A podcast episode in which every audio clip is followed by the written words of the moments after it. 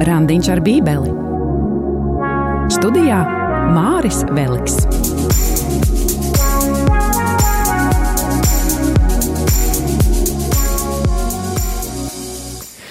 Raidījuma piektā epizode Zvaigzne ir uzaususi, jeb austrumu gudro stāsts toreiz un šodien. Kas bija trīs austrumu gudrie?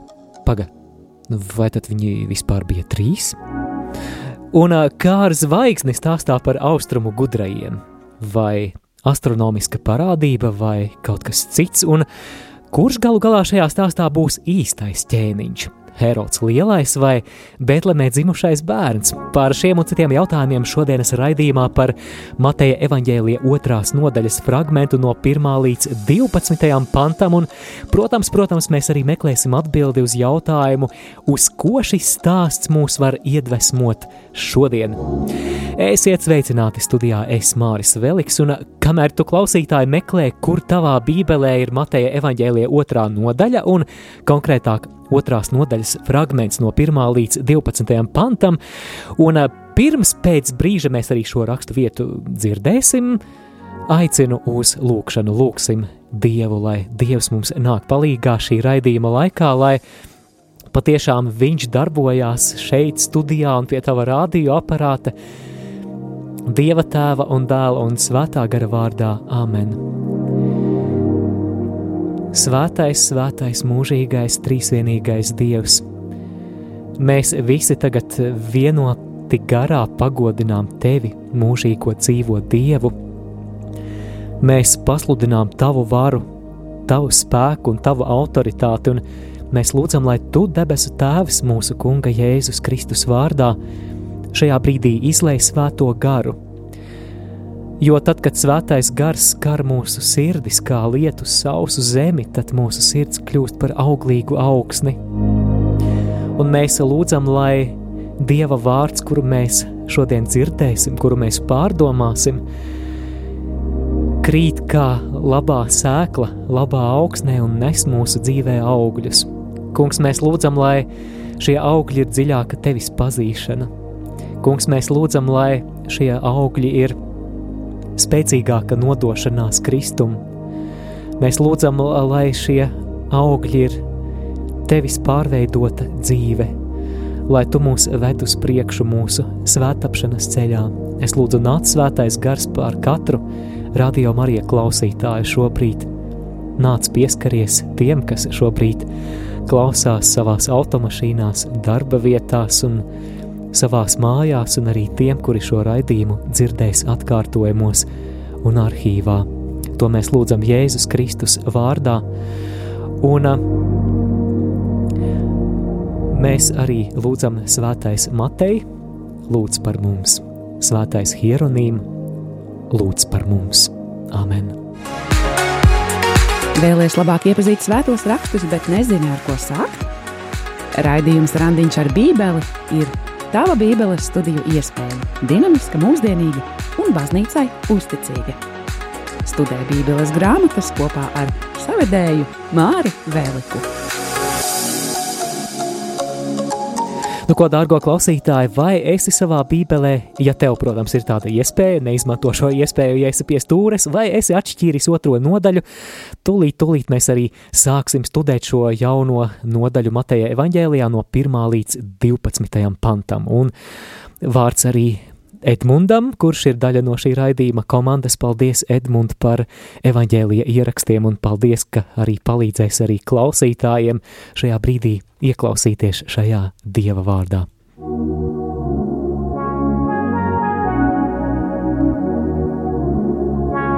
Sākam jaunu nodaļu.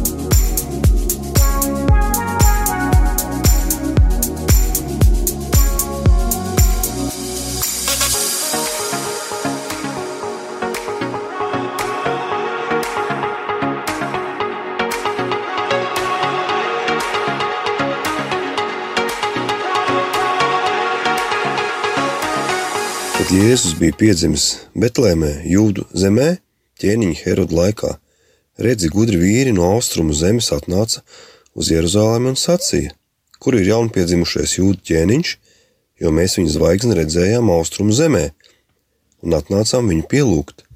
Kad ķēniņš Hērods to dzirdēja, tad viņš izbijās un visa Jeruzaleme līdz ar viņu, un saicināja visus tautas augstos priesterus un rakstu mācītājus, viņš uzzināja no tiem, kur Kristum bija dzimt, un tie viņam sacīja: Betlēmē, Jūdu zemē, jo tā raksta pravietis. Un tu, Betlēme, Jūdu zemē, tu nebūtu neesi vismazākā starp jūdas ciltskungiem, jo no tevis nāks valdnieks, kas ganīs manu Izrēļa tautu. Tad Herods slepas saicinājis gudros, sīkīs jautāja tiem par zvaigznes atspiedēšanas laiku, un viņš tos sūtīja uz Betlēmu un sacīja: Ejiet un ievāciet rūpīgi ziņas par to bērnu, un kad jūs viņu atradīsiet, paziņojiet man, lai arī es aizeju un viņu pielūdzu. To no ķēniņa dzirdējuši, tie aizgāja un redzi, zvaigzni, ko tie bija redzējuši austrumu zemē, gāja tiem pa priekšu. Nostājās pāri namu, kurā bija bērns, un zvaigzni ieraudzījuši, tie priecājās ar varen lielu prieku. Un namā iegājuši tie ieraudzīja bērnu līdz ar Mariju viņa māti, un tie nometās ceļos un viņu pielūdza. Tad tie atvēra savus dārgumus un dāvāja viņam zeltu, vīrāku un mirres un sapnī saņēmuši norādījumu pie Heroda neatgriezties, tie aizgāja pa citu ceļu, uz savu zemi. Paldies Edmundam! Pirms mēs sākam studēt šo svēto rakstu fragment, tātad Mateja evaņģēlija otrā nodaļa no 1 līdz 12 pantam, es vēlos arī uzdot šīs dienas jautājumu tev klausītāji. Raidījuma beigās apkopošu jūsu atbildes, un Es saprotu, ka pagaidām varbūt īsti vēl nebūs skaidrs, kādēļ tieši šāds jautājums, bet mēs noteikti līdz tam nonāksim un viss taps pilnīgi skaidrs. Ko tev, klausītāji, nozīmē visvētākā sakramenta adorācija? Varbūt tev ir kāda īpaša pieredze ar Dievu visvētākā sakramenta priekšā. Vai cik tev ir svarīga lūkšana visvētākā sakramenta priekšā? Ja ir kaut kas, jebkas, ko tu vēlies padalīties saistībā ar visvētākā sakramenta adorāciju, aicinu tevi rakstīt īziņas un arī kādā brīdī atvēršu telefona līniju, lai varat sazvanīt, varat arī rakstīt e-pastu, tādēļ atgādināšu kontaktinformāciju. Un raidījuma turpinājumā taps skaidrs, kādēļ šoreiz es vēlos uzzināt tavu pieredzi ar visvētākā sakramenta adorāciju. Iesaisties ēterā, zvanot uz studijas tālruni 67 969 131 vai rakstot īsiņu uz numuru 266 77 272. Izmanto arī e-pasta iespēju Studija at rml.lv. Pievēršamies otrās nodaļas pirmajam pantam, lasīšu no jaunā, jeb 2012. gada tulkojuma. Kad Jēzus piedzima Jūdejas Bētlemē ķēniņa Heroda laikā, redzi no austrumiem Jeruzalemē ieradās gudri vīri – un jautāja: Kas ir austrumu gudrie? Grieķu tekstā ir lietots vārds magoi, jeb vienskaitlī būtu magos, un mēs latviešu valodā arī lietojam tādu svešvārdu magi, ko varētu lietot tulkojot vārdu magoi. Jaunajā bībeles tulkojumā kurā nu pat ielūkojāmies, šie magi ir nodēvēti par gudriem vīriem. Un kas viņi īsti varētu būt? Sākotnēji šis vārds magos apzīmēja midiāniešu un persiešu priesteriskās kārtas pārstāvjus, kuri darbojās ķēniņa galmā un pildīja padomdevēja funkcijas un mazliet ar tādu pārdabisku pieskaņu, jo magu uzdevums bija piemēram interpretēt un tulkot ķēniņu sapņus, un vēlāk ar šo vārdu sāk apzīmēt tādā plašākā nozīmē tos, kuriem bija kaut kādas mistiskas zināšanas. Tie varēja būt priesteri, astrologi, pareģi, tāda īpatnēja, interesanta, mazliet biedējoši ezotēriska kompānija, vai ne? Dargo klausītāji, bērnu Ziemassvētku uzvedumos un dekoratīvajās bētlemītēs baznīcā Ziemassvētku laikā un varbūt arī uz tavas palodzes vai zemeglītes, šie magi parasti tiek attēloti kā, kā kas? Pareizi, kā ķēniņi, vai ne? Pievēršam uzmanību, ka Mateja tekstā nav minēts, ka viņi būtu ķēniņi. Tomēr eh, tas, ko lasot dažādus komentārus, man ir izdevies noskaidrot, ka šai populārajai asociācijai par austrumu gudrajiem kā ķēniņiem ir ļoti interesants arī tāds biblisks pamats vai bibliska alūzija, jo iespējams, ka tas ir balstīts vairākās vecās derības rakstu vietās, kurās ir runāts par ķēniņiem, kuri pienes dāvanas Dāvida dinastijas karaliskajam dēlam atšķirsim veco derību un kopīgi ielūkosimies dažos piemēros. Šķiram 72. psalmu, tātad 72. psalms, psalmu grāmata. Ziniet, kā psalmu grāmatu var atrast bībelē?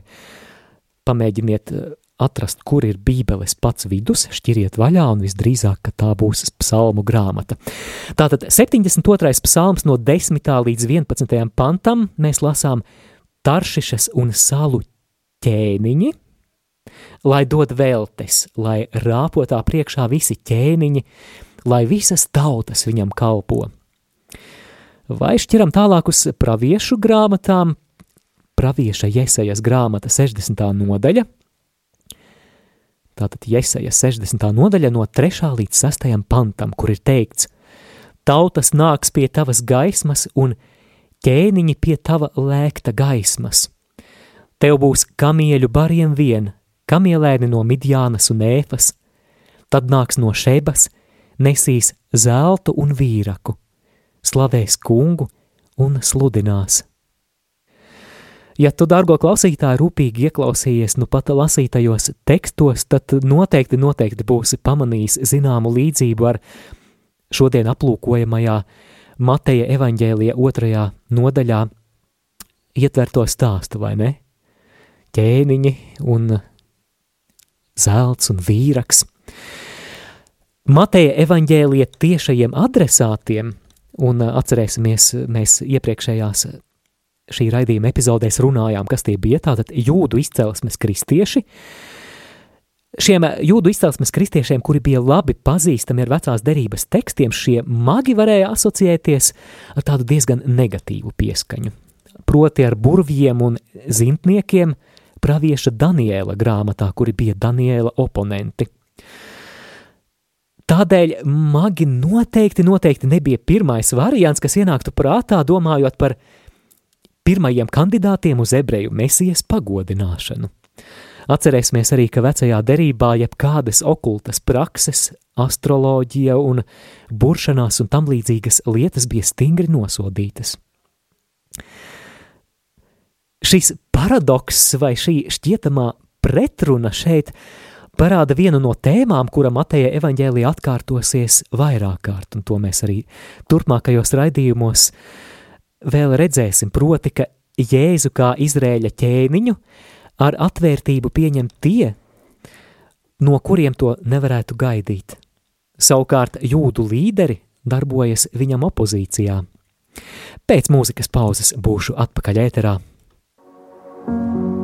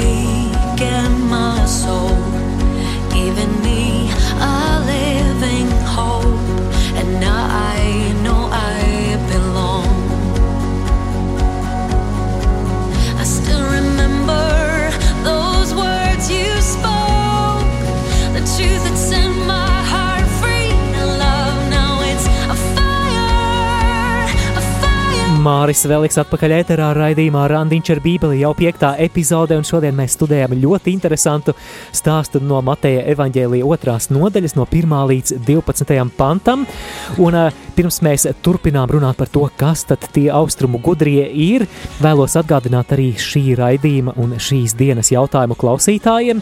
Raidījuma beigās vēlos apkopot jūsu atbildes, ko tev nozīmē visvētākā sakramenta adorācija. Varbūt ir kāda īpaša pieredze visvētākā sakramenta priekšā, kurā vēlies padalīties, dārgo klausītāji.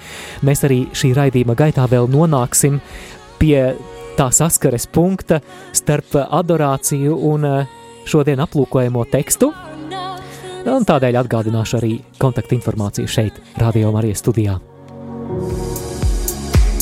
Iesaisties ēterā, zvanot uz studijas tālruni 67 969 131 vai rakstot īsiņu uz numuru 266 77 272.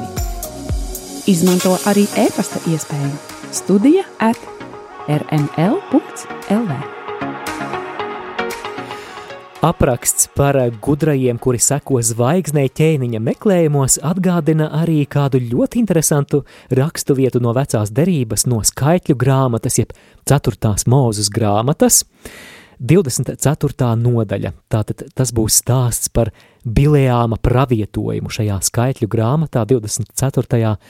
nodaļā. Un tiem, kuri varbūt ir tikai Bībeles lasīšanas iesācēji un kuri neatcerās, kas tas bilējāms tāds bija, es vēlos tev pastāstīt to īso versiju. Tātad šajā epizodē Moābiešu ķēniņš Balaks aicina pareģi bilējāmu, lai tas nolādētu Izrēļa tautu. Izrēļa tauta ir pietuvojusies tuvu Moābiešu robežām, un, un Balakam tas baigi nepatīk, un viņš aicina šo pagānu pareģi bilējāmu, kuram ir pārdabiskas spējas, un saka, es tev maksāšu, cik ir jāmaksā, bet tu dari tā, tu šo tautu nolādi.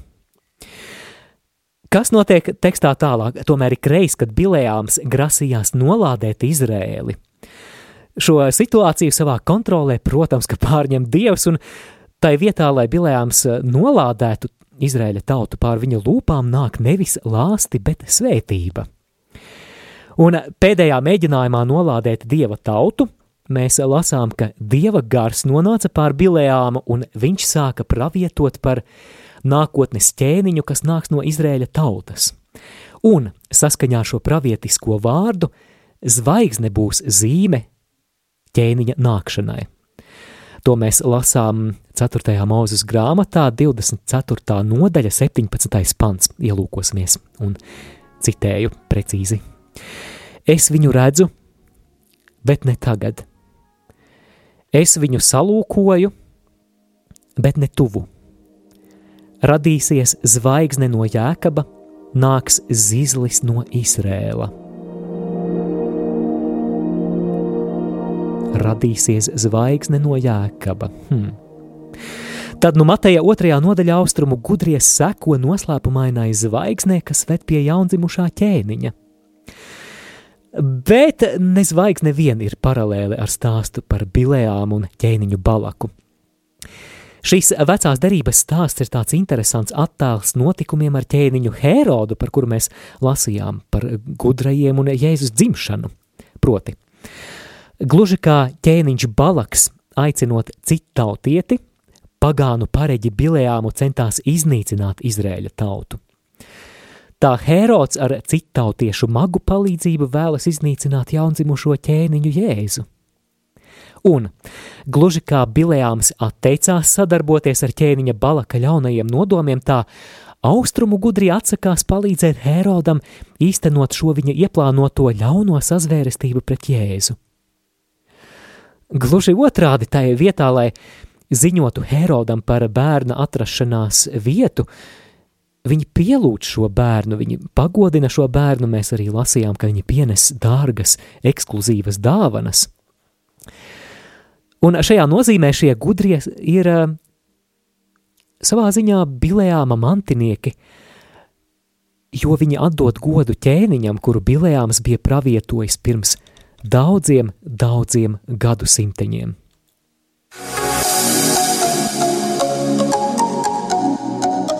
skan randiņš ar bībeli. Lasām Mateja evaņģēlija otrās nodaļas otro pantu. Kur ir jaunpiedzimušais jūdu ķēniņš, jo mēs viņa zvaigzni redzējām austrumu zemē un atnācām viņu pielūgt. Dārgo klausītāji, parunāsim par zvaigzni. Kas tā varētu būt? Mateja evaņģēlija komentāros mēs atrodam vairākas versijas. Zinātnieki ir pat centušies no astronomijas viedokļa izpētīt ap to laiku iespējamās, iespējamās eh, dabas parādības vai astronomiskās parādības, un viena no versijām ir tā, ka zvaigzne varētu būt Haleja komēta, kas pēc astronomu aprēķiniem esot bijusi redzama 12. un 11. gadā pirms Kristus. Otra versija, ko astronomi piedāvā, ka tā varētu būt bijusi Jupitera un Saturna planētu savienojums. Tas nozīmē, ka Jupiters un Saturns sajiet uz vienas asas un vizuāli rada vienas spožas, ļoti spožas zvaigznes iespaidu. Un ir zināms, ka šāda, šāds Jupitera un Saturna planētu savienojums esot bijis novērojams 7. gadā pirms Kristus. Trešais skaidrojums no astronomijas viedokļa, ka šī zvaigzne varētu būt arī nova vai supernova, respektīvi ļoti spoža zvaigznes eksplozija. Un ir vēsturiskas liecības par šādas novas novērošanu 5. un 4. gadā pirms Kristus. Manuprāt, ļoti interesanti šādi astronomiskie skaidrojumi, bet ir kāda problēma ar tiem. Proti, tie mums nesniedz īsti atbildi uz jautājumu, kā šī zvaigzne varētu pārvietoties un vadīt austrumu gudros un nostāties virs mājas, kurā bija jaundzimušais bērns. Pat ja zvaigznei Mateja evaņģēlija otrajā nodaļā ir pamatā varbūt astronomisks izskaidrojums, mēs varam arī pieņemt, ka tā vadība, kādu caur šo fenomenu saņēma gudrie, bija pārdabiska un ārkārtēja dieva iejaukšanās, kāds pārdabisks fenomens. Ir vēl kāds interesants skaidrojums, ko esmu atradis šīs raksturvietas komentāros, proti, ka šī zvaigzne varētu būt arī dieva eņģelis, kurš gudrajiem parādās spožā veidolā kā zvaigzne un vada viņus līdz mājai, kurā ir jaundzimušais ķēniņš. Interesanti, ka ebreju tradīcijā zvaigznes bieži vien tika asociētas ar eņģeļiem. Un vēl interesanti arī tas, ka skaidrojums ar spožo eņģeli mums ļauj arī vilkt paralēles ar izceļošanas notikumu, tātad izceļošana no Ēģiptes, izceļošanas grāmatā vecajā derībā. Un atceramies, ka Dievs, kad ebreju tauta izceļoja no Ēģiptes, sūtīja viņiem pa priekšu ko? un pie radioaparātiem bībeles lasītāji un zinātāji saka eņģeli, tieši tā. Atcerēsimies, piemēram, par uguns stabu un mākoni, kas vadīja tautu ceļā, nakt, tātad ugunsstaps vadīja naktī, mākonis dienā, un bija tā, ka šis uguns spožais staps apstājās, tad arī tauta apstājās un palika šajā nometnes vietā, savukārt, kad ugunsstaps vai mākonis pārvietojās, tad tauta devās ceļā. Vai arī kāds būtu skaidrojums šai zvaigznei, astronomisks vai pārdabisks, ir skaidrs, ka šeit ir runa par pārdabisku dieva vadību šo gudro ceļā. Gluži kā dievs pārdabiski ar eņģeļa starpniecību vadīja savu tautu tuksnesī.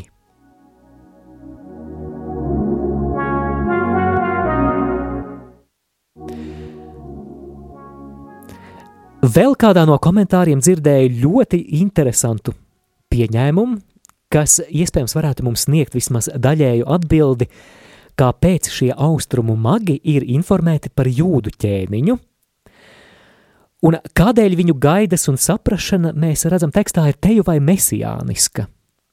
Jo, nu, kā var tāda astronomiska parādība kaut ko vēstīt par kādu jūdu ķēniņu? Un ir Bībeles pētnieki, kuri piedāvā tādu ļoti interesantu minējumu. Jau minēju, ka ar vārdu Magos apzīmēja ķēniņu padomniekus no priesteriskās kārtas Persijā, un atcerēsimies, kurš no vecās derības varoņiem arī dzen darbojās Persijas ķēniņu galmā. Nu, kurš tad tas bija?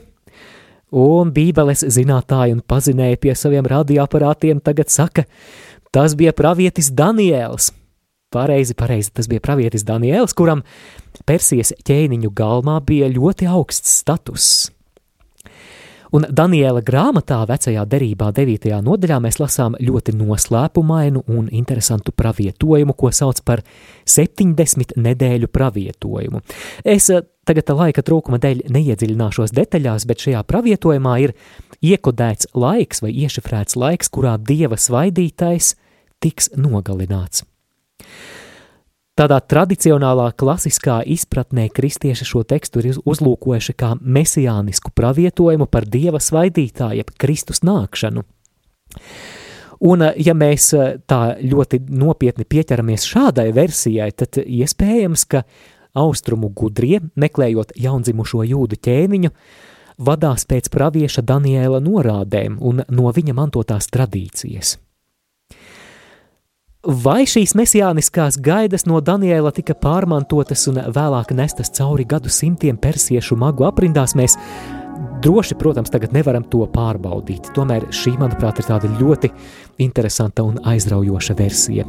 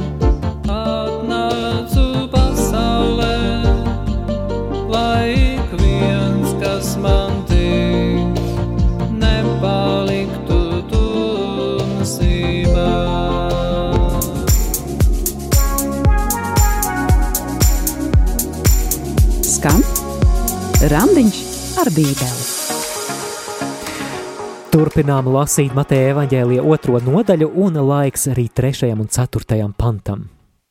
Kad ķēniņš Herods to dzirdēja, tad viņš izbijās un visa Jeruzaleme līdz ar viņu un saicināja visus tautas augstos priesterus un rakstu mācītājus. Viņš uzzināja no tiem, kur Kristum bija dzimta. Jā, ziņā par gudro meklējumiem izplatoties, Herods kļūst ļoti satraukts un ir pamats. Lai arī Herods kā romiešu iecelts ķēniņš valdīja pār jūdiem, viņš nepiederēja jūdu tautai. Viņš bija ēdomietis pēc tautības un izdzirdot, ka gudrie meklē jūdu ķēniņu, hmm, viņš kā nejūts pēc tautības ir ļoti nobažījies par savu troni. Nu, gluži kā šobrīd, laikā, kad top šis raidījums, tepat mums kaimiņu valstī, Baltkrievijā, tās diktators ir pamatīgi nobažījies par savu sēdekli, vai ne? Ir zināms, ka sava mūža pēdējos gados Herods bija ļoti pat paranoisks attiecībā pret jebkādiem iespējamajiem sāncenšiem. Tad nu Herods sapulcina augstākos priesterus un rakstu zinātājus, kas bija daļa no jūdu līderiem tajā laikā, un iztaujā par vietu, kur mesijam vajadzētu piedzimt.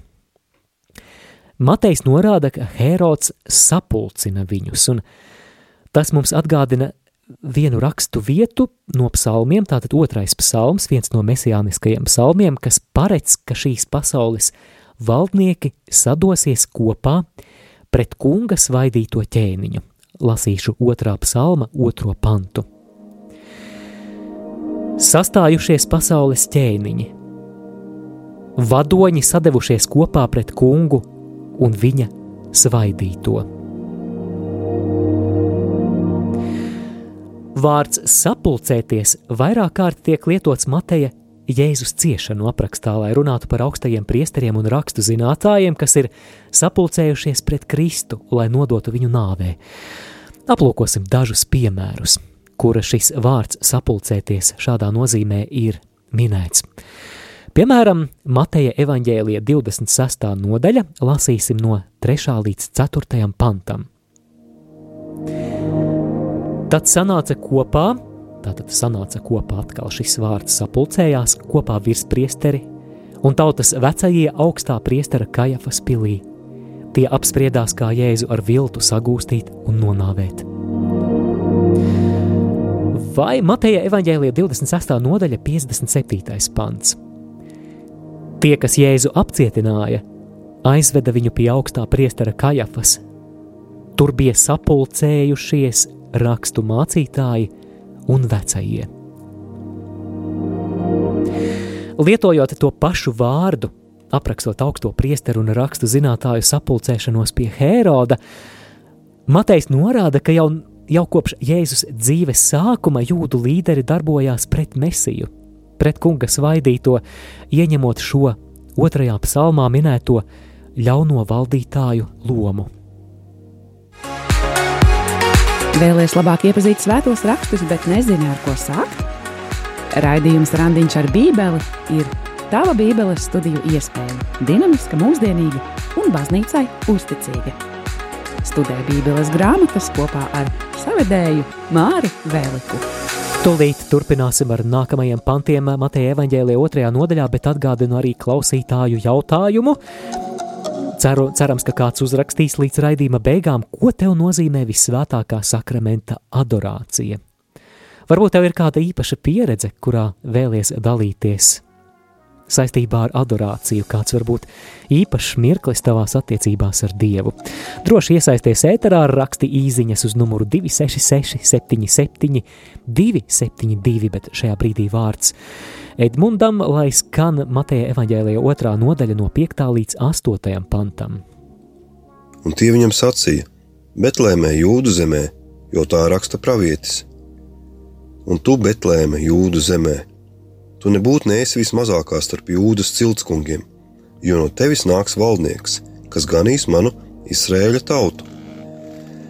Tad Herods slepas aicinājis gudros, sīkīs jautāja tiem par zvaigznes apspiedēšanas laiku, un viņš tos sūtīja uz Betlēmu un sacīja: Ejiet un ievāciet rūpīgi ziņas par to bērnu, un kad jūs viņu atradīsiet, paziņojiet man, lai arī es aizēju un viņu pielūdzu. Dzirdējām, ka augstie priesteri un rakstu zinātāji paziņo Hērodam, ka mesijam jāpiedzimst Bētlemē, Dāvida pilsētā. Atcerēsimies iepriekšējos raidījumus. Mēs dzirdējām, ka mesijam ķēniņam ir jābūt no Dāvida cilts. Un Bēltleme bija tā pilsēta, kurā arī Dāvids bija dzimis, un saskaņā ar pravieti Mihu, ko jūdu līderi šeit citē, respektīvi Mihas grāmatas 5. nodaļas pirmo pantu, jaunajam Dāvidiskajam ķēniņam ir jānāk no šīs pilsētas. Tātad vēlreiz nolasīšu sesto pantu no jaunā tulkojuma, un tu, Bētleme, jūdas zemē, tu nebūt neesi mazākā starp jūdas galvenajām pilsētām, jo no tevis nāks valdnieks.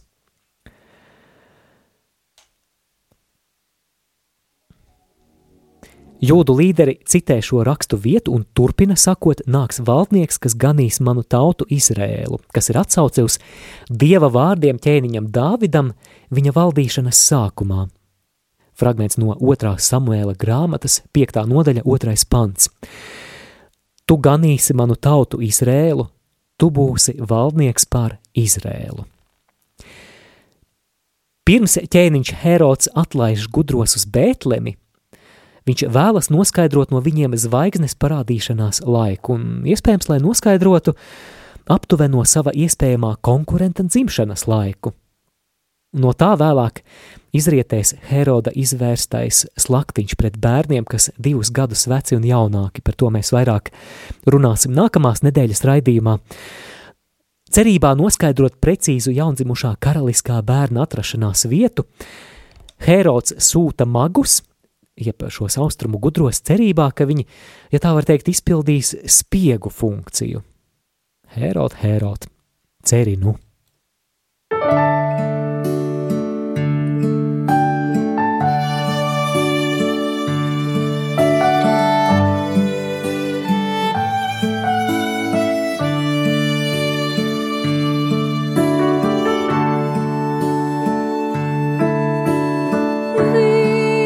Vaishavara naista.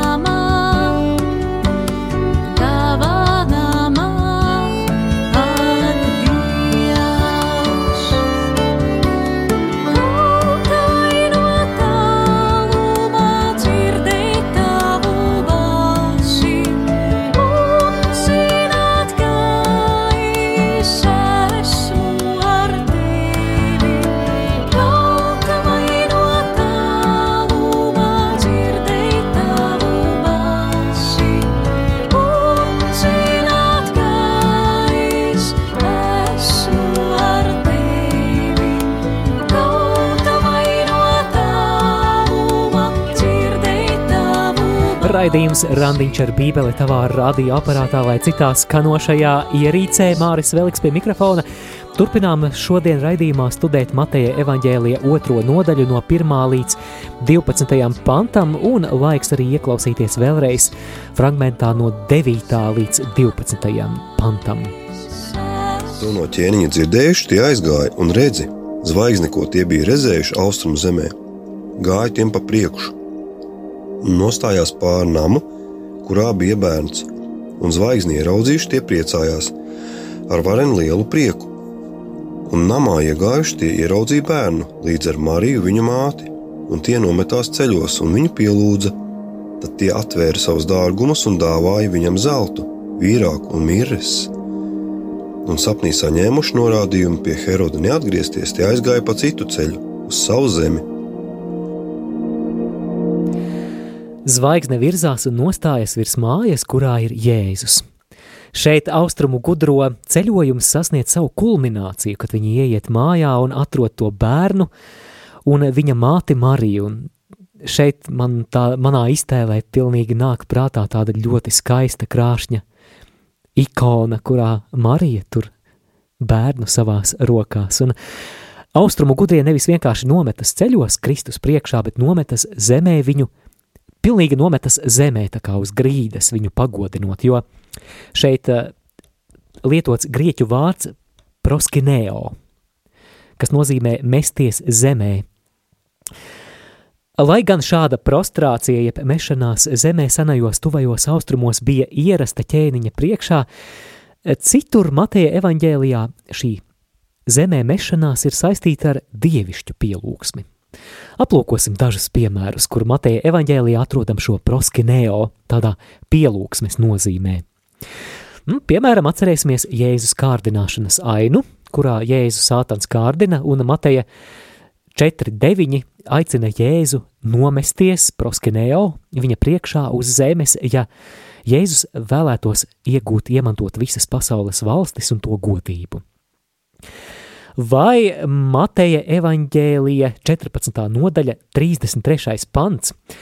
Pēc tam, kad Jēzus staigā pa ūdens virsmu, mēs lasām, tad tie, kas bija laivā, nometās ceļos, re kā jaunajā tulkojumā ir eh, rakstīts nometās ceļos, bet eh, to mēs varētu tulkot metās zemē viņa priekšā. Un tas būtu precīzāk, un sacīja, patiesi, tu esi Dieva dēls. Tādējādi Matejs parāda, ka šie pagānu gudrie sniedza kristumu pielūgsmi, kuru Hērods un jūdu vadoņi viņam sniegt atteicās.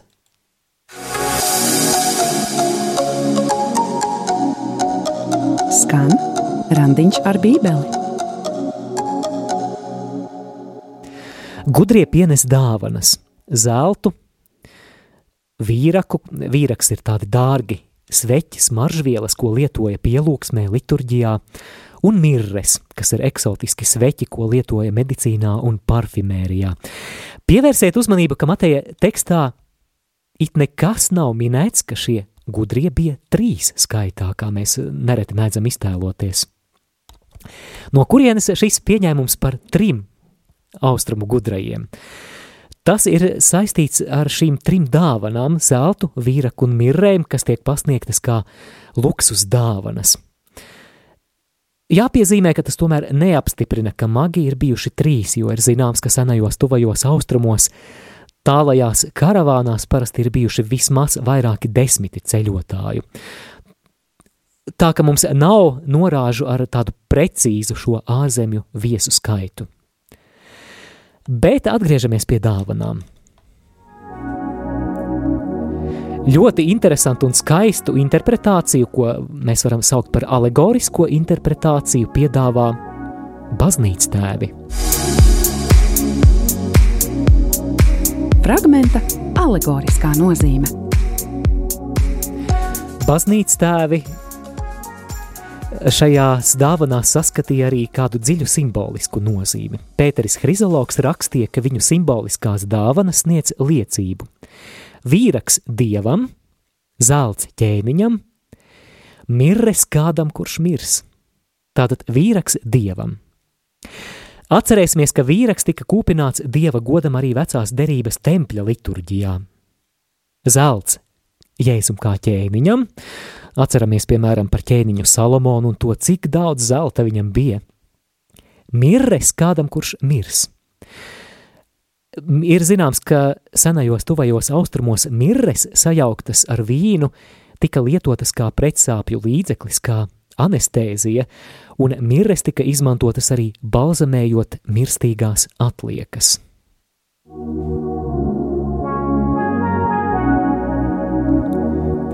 Šīs ekskluzīvās karaliskās luksus dāvanas, ko austrumu gudrie pienes, atgādina par pagānu ķēniņieni no Šebas.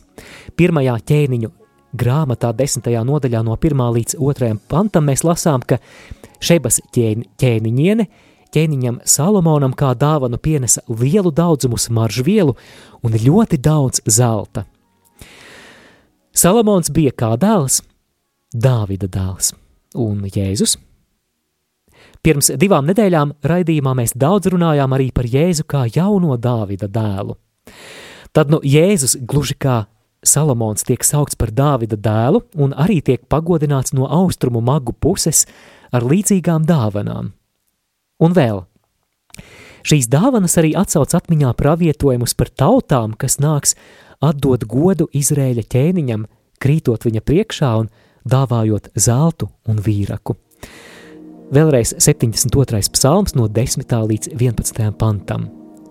Taršišas un salu ķēniņi, lai dod veltes, lai rāpotā priekšā visi ķēniņi. Jesajas 60 no 3. līdz 6. pantam. Tautas nāks pie tavas gaismas un ķēniņi pie tava lēkta gaismas. Tev būs kamieļu bariem vien, kamielēni no Midjānas un Ēfas, tad nāks no Šebas nesīs zeltu un vīraku, sladēs kungu un sludinās. Tad kurš šeit ir lielāks ķēniņš? Herods lielais vai šis Bēltlemē dzimušais bērns? Caur šo pielūgsmi no citu tautu puses Matejs parāda, ka Jēzus ir ķēniņš ne tikai pār jūdiem, bet pār visu pasauli, pār visām tautām.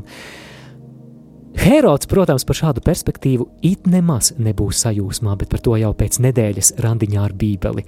Pēc mūzikas pauzes būšu atpakaļ, lai runātu par to, uz ko šis vārds var mūs iedvesmot šodien, un kamēr skanēs Lienes Grosas dziesma par austrumu gudrajiem, aicinu iesaistīties ēterā, uzraksti īziņu vai e-pastu un pastāsti par savu adorācijas pieredzi, ko tev nozīmē adorācija visvētākā sakramenta priekšā, ko tev nozīmē lūkšana evaharistiskā Jēzus priekšā, un pēc dziesmas es arī pastāstīšu, kāpēc šāds jautājums šajā raidījumā.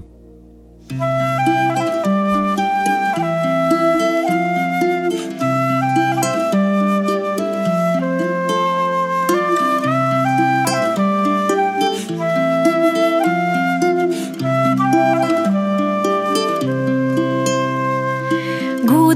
no austrumiem redzēja zvaigzni. Gudrie no austrumiem redzēja zvaigzni. Zvaigzne gāja pa priekšu, gudrie tai sekoja. Zvaigzne gāja pa priekšu, gudrietai sekoja. Zvaigzne tos aizvedā uz vietu, kur dusēja bērns. Zvaigzne tos aizvedā uz vietu, kur dusēja bērns. Gudros pārņēma milzīgs prieks, gudros pārņēma prieks. Gudros pārņēma milzīgs prieks, gudros pārņēma prieks. Tie iegāja namā pie bērna, nometās ceļos un pielūdza to. Tie iegāja namā skaista Lienes Grosas dziesma, kas ir kā skaists eh, komentārs mūsu šīs dienas raksturvietai. Mateja evaņģēlija otrā nodaļa no 1 līdz 12. pantam, un šajā brīdī noslēdzošā rubrika, kā tas attiecas uz mani. Kā dzirdētais attiecas uz manu dzīvi? Daudzi baznīcas tēvi abru, abrīnoja šo pagānu austrumu gudro ticību, kuri cilvēciskām acīm redzēja vienkāršu bērnu Bētlemē. Bet mēs zinām, ka ar ticības acīm var redzēt daudz, daudz vairāk, un caur ticību viņi spēja redzēt kaut ko daudz vairāk šajā bērnā. Viņi krīt pie zemes un pielūdz Dievu cilvēciskā miesā, un veltīja viņa karaliskumam zeltu, viņa dievišķībai vīraku un viņa cilvēcībai mirres. Uz šādu atbildi mēs, es un tu, dārgo klausītāji, esam aicināti šodien satiekoties ar Jēzu Euharistijā. Arī šovakar man būs iespēja vienu stundiņu dežūrēt adorācijas kapelā, un ar savām cilvēciskajām acīm adorācijā mēs parasti spējam redzēt tikai to, kas izskatās pēc balta maizes ripulīša, vai ne? Bet ar ticības acīm mēs redzam un mēs zinām paša kunga miesu. Tridentas koncils piemin austrumu gudros un šo viņu veltīto pielūgsmi attiecībā pret šo Kristus bērnu, kā paraugu tam, kā mums viņš būtu jāpielūdz Euharistijā, un es citēju no Tridentas koncila. Jo šajā sakramentā mēs ticam, ka pats Dievs, kuru Tēvs ieveda šajā pasaulē, ir klātesošs. Tas ir tas pats Dievs, kura priekšā pielūdzot krita austrumu gudrie. Tāpēc arī šodien jautājums klausītājiem – ir, ko tev nozīmē visvētākā sakramenta adorācija. Varat arī šajā brīdī droši zvanīt uz studiju vai rakstīt. Mums jau ir arī Ilze uzrakstījusi. Nolasīšu. Ilzes eh, īziņu. Lai ir slavēts Jēzus Kristus. Māri, paldies par gaišo un skaisto raidījumu, sākuma lūkšanu un aizrautīgo patīkamo izzinošo bībeles vārdu atvēršanu. Adorācija man nozīmē nokļūt un dziļā klusumā just Dieva nebeidzamo un mūžīgo mīlestību. Tajā mirklī sirds pildās ar piedošanu, pazemību, mieru un pateicību, gaišām asarām un smaidu, mieru. Paldies, Ilze! Paldies, Ilze! Ļoti skaisti! Patiešām, dārgo klausītāji, nākamreiz, kad mēs būsim visvētākā sakramenta priekšā, kad mēs apmeklēsim dievnamu un kad mēs pavadīsim laiku klusā lūkšanā, kad mēs metīsimies ceļos, evaharistiskā Jēzus priekšā, mēs varam atcerēties šo skaisto stāstu par austrumu gudrajiem. Un lai mūsu arī ārējie žesti, ārējās darbības Jēzus priekšā, proti mešanās, ceļos, lai, lai pauž to, ko mēs jūtam savā sirdī. Proti, lai mūsu sirds, proti mūsu pateicība, mūsu pielūgsme, apbrīna, lai mūsu sajūsma šajā brīdī ir vienota ar mūsu ārējiem žestiem, lai tie kļūst par šo ārējo izpausmi mūsu iekšējai nostājai.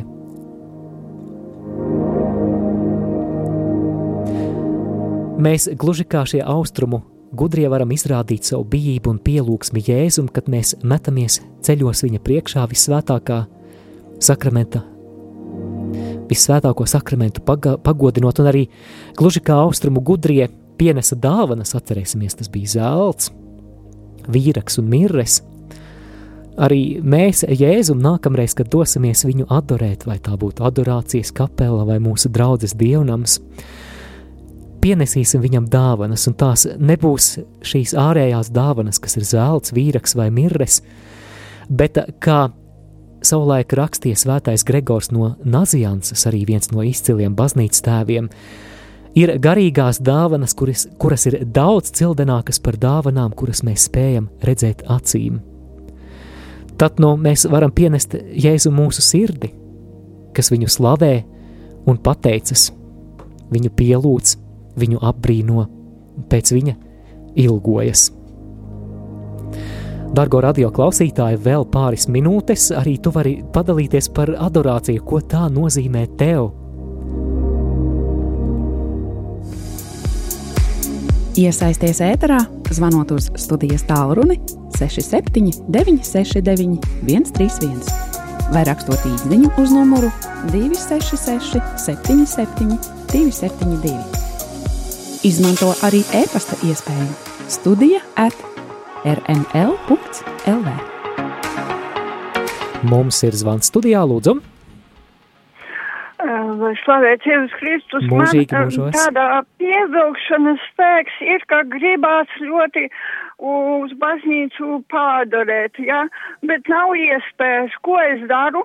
Es Jā. tad aiztaisu uh, es esmu agonā visvētākā sakramenta priekšā uz ceļiem, un nu, tad ir labi. Ah, Cik skaisti! Paldies par šādu, šādu garīgās dzīves padomu. Jā, mums ir ēterā tā garīgās komunijas lūkšana, bet šī varētu teikt tā, tā, tāda garīga adorācija, vai ne? Jā. Ļoti skaisti. Nu, nevar teikt, no ko tad, tad es aiztaisu acis. Jā, Labi. paldies jums, paldies, ka piezvanījāt. Dargo klausītāji, vēl pāris minūtes tavā rīcībā arī tu vari piezvanīt un pastāstīt, ko adorācija nozīmē tev. Vari arī uzrakstīt īziņu. Numurs īziņām ir 266, 77, 272. Mums arī ir e-pasts pienācis. Inese raksta, lai ir slavēts Jēzus Kristus. Ar visvētākā sakramenta adorācijām aizsākās mana ticības dzīve. Tajā laikā es cietu no trauksmes. Vienīgā vieta, kur radu mieru, bija pie visvētākā sakramenta. Tur tika izraudātas daudzas asaras, un pēc tam gūts liels miers. Šobrīd adorācija man ir tikšanās ar draugu. Viņa klātbūtnē aptrūkstas vārdu un gribas tikai smaidīt no laimes. Paldies, Inese! Man, man gribas tā patiešām lielā pateicībā smaidīt, lasot tik skaistu liecību. Nu ko, ir laiks noslēgt raidījumu. Nākamnedēļ mēs turpināsim studēt Mateja evaņģēlija otro nodaļu, bet aicinu noslēgt šo raidījumu ar lūkšanu. Esi sveicināta, Marija, žēlastības pilnā. Kungs ir ar tevi.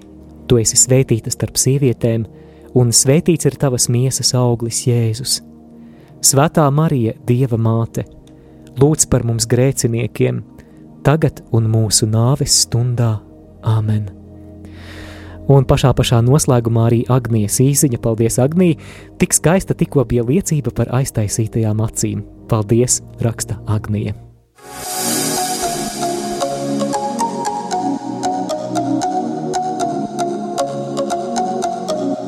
Jūs klausījāties raidījumu Randiņš ar Bībeli. Savas atsauksmes, ieteikumus un jautājumus sūtiet uz e-pastu Randiņš ar Bībeli at gmail.com. Iepriekšējās raidījuma epizodes aicinām meklēt arhīvā.